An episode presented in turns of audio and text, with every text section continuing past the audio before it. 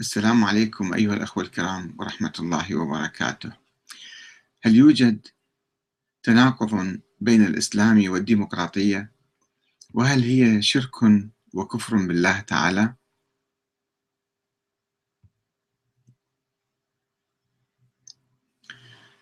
بعيدا عن ضجيج الصراع الطائفي وغبار المعارك المذهبية الملتهبة أو المؤججة هذه الأيام بين الشيعة والسنة يطرح هذا يطرح هذا السؤال لنفسه هل يوجد أي معنى حقيقي واقعي للعناوين الطائفية القديمة؟ وماذا يميز الشيعة عن السنة؟ وهل ما يفرقهم اليوم أكثر مما يجمعهم؟ وما هو جوهر الخلاف بينهم؟ ومن يقف وراء تأجيج الصراع بين الطوائف؟ هل هي المصالح الشعبية المتناقضة أم الأنظمة السياسية المتصارعة والمعادية لشعوبها؟ وباختصار هل المعركة الطائفية حقيقية أم وهمية؟ وهل ثمة شيعة وسنة في الواقع هذه الأيام أم مجرد أسماء جوفاء؟ أعتقد أن الصراع الطائفي مفتعل بدوافع جديدة خارجية لا علاقة لها بالخلاف القديم الذي مزق المسلمين إلى شيعة وسنة. وأن الطوائف الإسلامية كلها مرت بتطورات فكرية سياسية جذرية. لم يعد لعناوينها القديمة أي معنى أو علاقة باسمها. وبالتالي فإن الطوائف الإسلامية باتت اليوم أقرب إلى بعضها البعض أكثر من أي وقت مضى. ويكفي أن يتعرف كل فريق على التطورات الجذرية التي حدثت في نفسه وفي الفريق الآخر حتى يدرك عبثية الأسماء التاريخية المفرقة. ويتعرف على حجم النقاط المشتركة الجامعة. لقد قلت في كتابي تطور الفكر السياسي الشيعي من الشورى إلى ولاية الفقيه. إن الشيعة الإمامية لم يعد لهم وجود. بعد حصول تطور جذري كبير لدى الشيعة وتخليهم عن أهم الفكر الإمامي وهو اشتراط الأسمة والسلالة العلوية الحسينية في الإمام. أي في الرئيس أي رئيس يعني.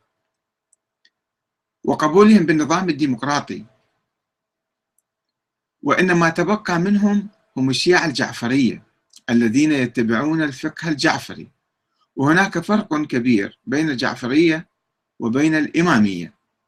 الجعفرية هي فرقة تتبع آه، فقه الإمام جعفر الصادق. أما الإمامية فهي ذات نظرية خاصة في السياسة في الحكم. نظرية مثالية تشترط أن يكون الحاكم أي حاكم يعني وليس الأئمة الاثنى عشر. أي حاكم يجب أن يكون مثاليا وأن يكون معصوما ومعينا من قبل الله تعالى وأن يكون طبعا من سلالة معينة هي السلالة العلوية الحسينية. كما يقول المثل العراقي لو حكيم باشي لو أموتن. يعني آه، إما أن يكون الحاكم معصوم ومعين من قبل الله أو فلا حاكم ولا نقبل بأي حاكم آخر. هذه هي النظرية الإمامية. من يعتقد بها من الشيعة هذه الأيام؟ لا أحد. اسألوا أي شيعي. واسألوا هل, هل تريد أن يكون الحاكم رئيس الجمهورية أو رئيس الوزراء أو حتى الولي الفقيه مثلا؟ هل تريد أن يكون معصوم أو معين من قبل الله؟ يقول لك ما هذه النظرية. هذه نظرية غريبة عجيبة. لا أؤمن بها. إذا فإن الشيعة الإمامية قد آه، لم يعد لهم وجود. أما الشيعة الجعفرية الشيعة العلوية الحسينية نعم موجودين. قلت هذا في كتابي تطور الفكر السياسي الشيعي من الشورى إلى ولاية الفقيه وهي خلاصة ما توصلت إليه في ذلك الكتاب.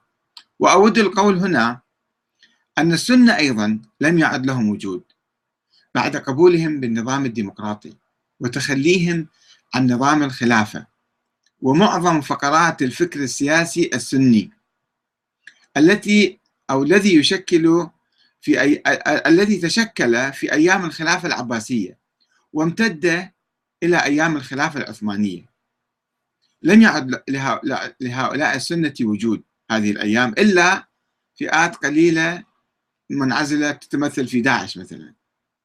ولا سيما بعد حصول الثورة العلمية النقدية ضد أصول المذهب السني القديم كالأحاديث الضعيفة الدخيلة في السنة وأصل الإجماع. هاي نقطة مهمة جدا ينبغي التوقف آه، عندها لمعرفة واقع السنة اليوم. هل يقبلون بكل حديث؟ لا طبعا. اذهبوا إلى العلماء واسألوهم هذه الأيام يقولون لك لا لابد من تصفية حتى البخاري. ومسلم وكتب الحديث. وأصل الإجماع الإجماع لم يعد مصدرا شرعيا جديدا أو يعني للكثير من المسائل الفقهية. وهذا هذين التطورين في الحقيقة التطور عند الشيعة بالتخلي عن نظرية الإمامة والتطور عند السنة بالتخلي عن نظام الخلافة. هذا التطور يؤكد اتفاق المسلمين جميعا حول فكر سياسي واحد هو الفكر الديمقراطي وابتعادهم عن العوامل والنظريات السياسية التي كانت تفرق بينهم قبل ألف سنة حيث كان يذهب الشيعة الإمامية إلى وجوب كون الإمامة أو الخلافة آه، آه، تنحصر في أهل البيت. وكان أهل السنة يذهبون إلى كون الإمامة في ولد بني العباس أو العثمانيين فيما بعد.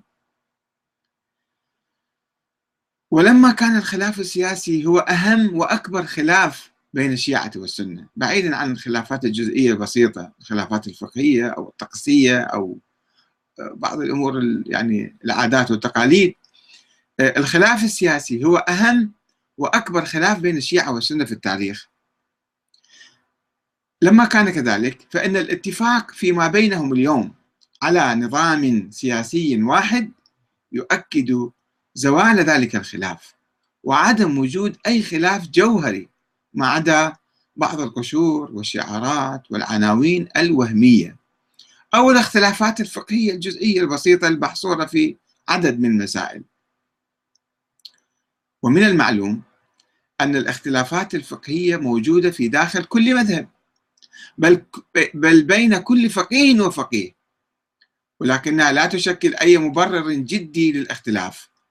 خصوصا مع الالتزام بآلية ديمقراطية كمجلس النواب لسن القوانين وتشكيل لجان نيابية أو مجالس فقهية مشتركة لبحث وإقرار أي قانون جديد.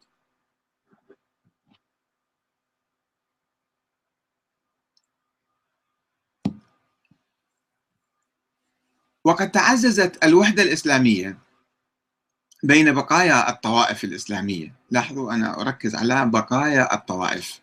وليست الطوائف لأن لا وجود لها اليوم هذه الطوائف إنما بقايا الطوائف الإسلامية الشيعية والسنية تعززت الوحدة بينها مع ظهور تيار ثقافي تجديدي يدعو إلى العودة إلى القرآن الكريم والسنة النبوية الثابتة المتواترة. وترك المنابع الثقافية والأصول التشريعية المختلف حولها. مثل أخبار الآحاد المنسوبة إلى النبي أو إلى أهل البيت أو الصحابة. وذلك لأن العودة إلى القرآن والسنة تعني العودة إلى الإسلام بدون أطر طائفية وهو ما يتلخص بعقيدة التوحيد والإيمان بالآخرة والنبوة وبممارسة أركان الإسلام من الصلاة والصوم والحج والزكاة وتجنب المحرمات والالتزام بأحكام الشريعة. وهذه كلها أمور متفق عليها بين كل الطوائف بصورة عامة. ولم يكن الخلاف يوما يدور حولها. ولكن الخلاف كان يدور حول الأنظمة والمذاهب السياسية التي تحولت لدى البعض إلى مستوى العقيدة. الإمامة عند الشيعة أصبحت على مستوى العقيدة والخلافة أيضا عند السنة أصبحت إلى مستوى العقيدة. وفرقت بينهم وبين الآخرين واعتمدت بدرجة كبيرة على الأحاديث المزيفة والموضوعة هاي العقائد الطائفية اعتمدت بدرجة كبيرة على الأحاديث المزيفة والمختلقة والموضوعة. فإذا تم التخلي عن هذه الأحاديث والعودة إلى القرآن والسنة العملية الثابتة فلن تبقى أي مذاهب ولا عقائد خاصة. وفي الحقيقة إن تلك المذاهب والعقائد الطائفية كانت ولا تزال تشكل عائقا أمام التطور الديمقراطي في العالم الإسلامي وإن بصورة محدودة. يعني هناك عوامل كثيرة لإعاقة التطور ولكن هذه العقائد أيضا آه، تشكل يعني آه، عائقا كبيرا. وذلك لأنها تقدم نفسها على أنها تمثل الإسلام وترفض الانفتاح على أي فكر إنساني جديد بحجة التعارض مع الإسلام.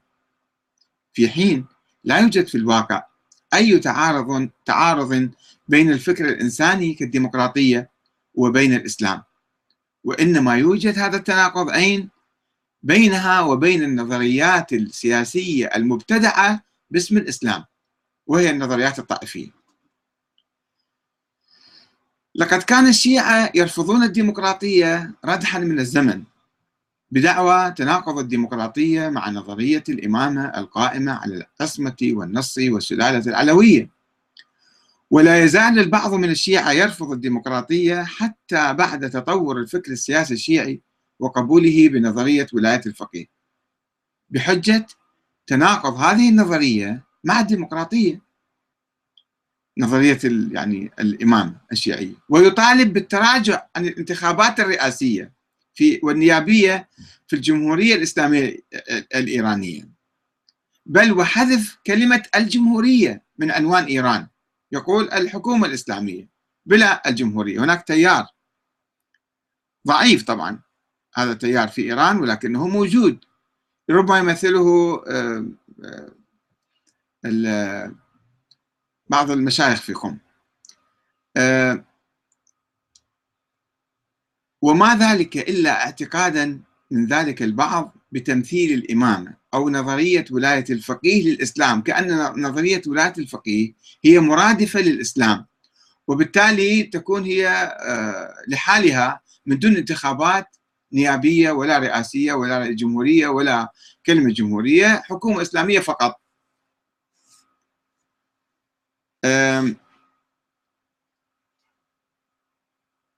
وكذلك كان البعض من أهل السنة يرفض الديمقراطية ولا يزال بدعوى تناقض الديمقراطية مع نظرية الخلافة التاريخية أو الحكم الإسلامي بصورة عامة. حتى لو كان ألمانيا ملكيا مثلا يقول هذا هو الحكم الإسلام وبالتالي فالديمقراطية تتناقض مع الإسلام. اعتقادا من هذا البعض بأن هذه النظرية تمثل النظام السياسي في الإسلام وأن النظام السياسي هو أصل من أصول الإسلام وركن مهم وربما من أهم أركان الإسلام كما يقول حزب التحرير مثلا ولكن هل تمثل تلك النظريات السياسية الإسلام حقا؟ وهل يوجد في الإسلام نظام سياسي معين؟ وهل يوجد تناقض بين الإسلام والديمقراطية؟ وهل الجمع بينهما يؤدي إلى الشرك والكفر بالله تعالى؟ كما يقول أبو محمد المقدسي زعيم آه، داعش وهذه الحركات التكفيرية. لقد أدرك الشيعة خطأ النظرية الإمامية بسبب عقمها وعجزها عن توفير إمام حي معصوم منصوص عليه من الله. هذه الأيام مثلا خلال ألف سنة يقوم بقيادتهم اليوم ويشكل لهم حكومة معاصرة نظرية عقيمة وغير قابلة للتطبيق. عندما أدركوا هذا الشيء الشيعة بادروا بأنفسهم إلى انتخاب إمام عادي أو فقيه عادل. إذا ترفعنا مثلا من بينهم وأخذوا بالنظام الديمقراطي أو الشورى مثلا. ولكن أهل السنة كانوا يمتلكون نظاما سياسيا قائما هو الخلافة العثمانية. وعندما أحسوا بضعفها في أواسط القرن التاسع عشر وفشلها فشل هذا النظام نظام الخلافة بادر الكثير منهم إلى محاولة إصلاحها ومعالجة ظاهرة الاستبداد التي كانت تتصف بها هذه الخلافة العثمانية. وإدخال بعض الآليات الديمقراطية عليها كإجراء الانتخابات وسن الدستور كما حدث حدث سنة 1876 ولكن أهل السنة انقسموا بعد ذلك إلى من يرفض الديمقراطية رفضا مطلقا ويعتبرها أساس البلاء كما فعل السلطان العثماني عبد الحميد الثاني الذي ألغى الدستور وحل البرلمان المنتخب بعد سنة واحدة من إقراره. بين هؤلاء بين هذا التيار وبين من يصر بالمطالبة بالديمقراطية ويعتبرها خشبة النجاة بالنسبة إلى الدولة العثمانية. إلى أن قضى هذا الفريق الثاني على الدولة العثمانية وأقام دولة علمانية في تركيا ودول أخرى مشابهة في العالم الإسلامي.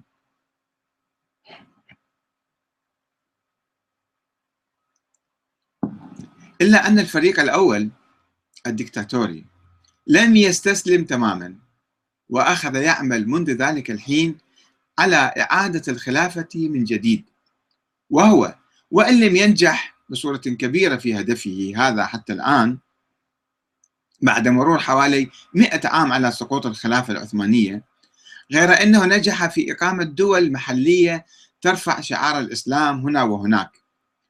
وتعامل مع حكام هذه الدول على أساس الفكر السياسي الذي كان يتعامل به مع الخلفاء السابقين أن هذا هؤلاء أولي الأمر ويجب طاعتهم طاعة مطلقة.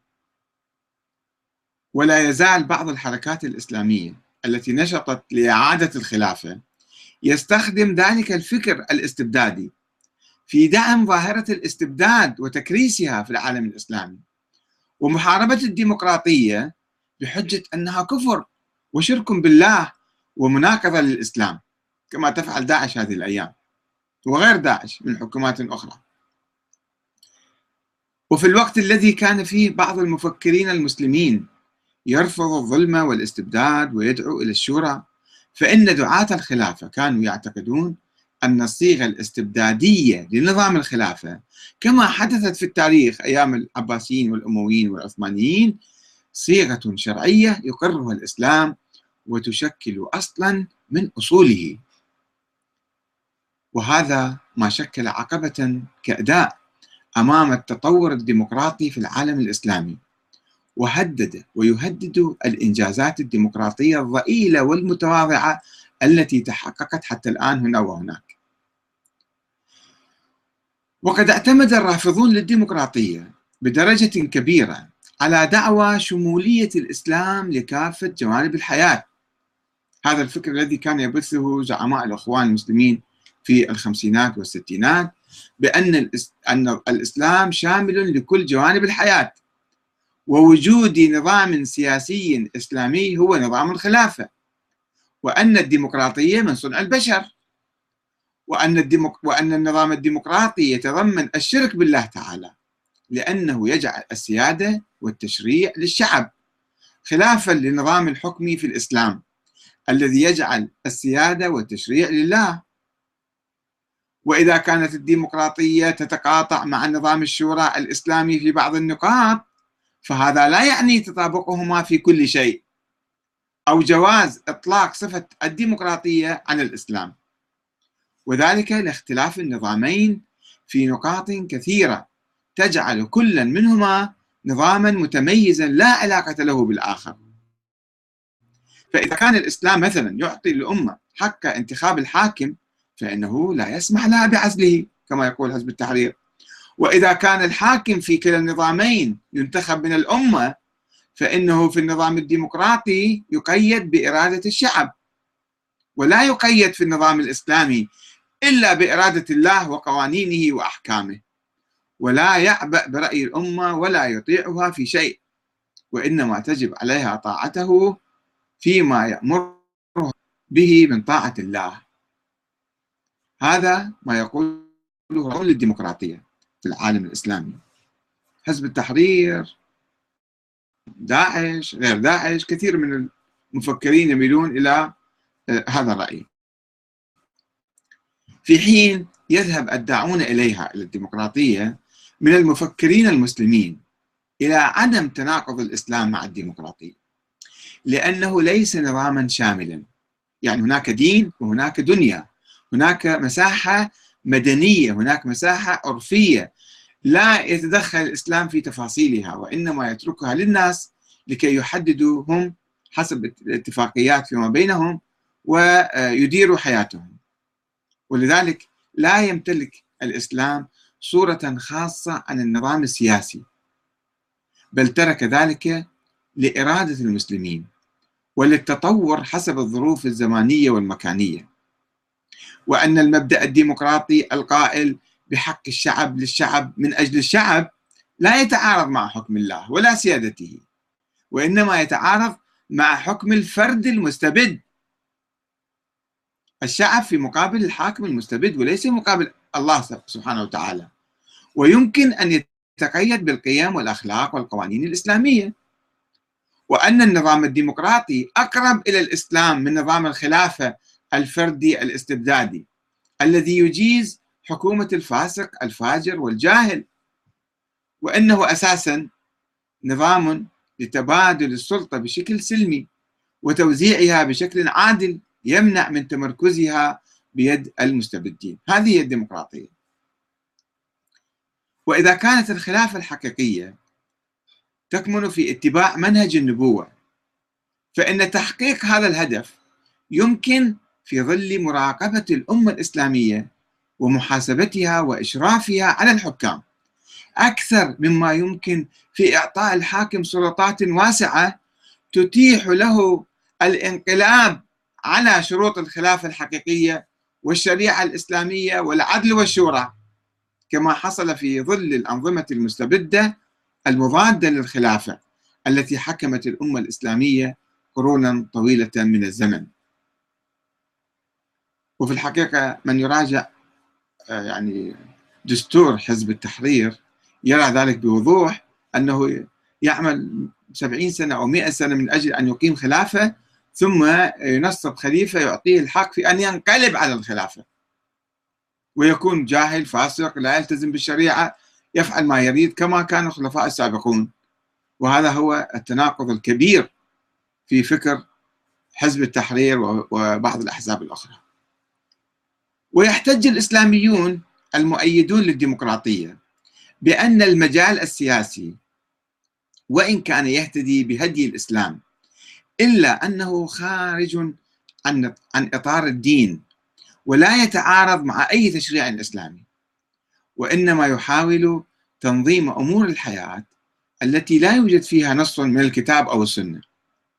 ولما كان الإسلام قد ترك المجال السياسي للناس ولم يعين فيه نظاما خاصا فقد سمح لهم بتطوير أنظمتهم السياسية أو اقتباس التجارب الحسنة من بقية البشر. وليس من العيب أن يأخذ المسلمون النظام الديمقراطي من الغرب حتى لو كان كافرا وعلمانيا. لأنه لا تلازم بين الديمقراطية والكفر أو العلمانية ومن الممكن اقتباس ما ينظم الحياة السياسية بشكل أفضل.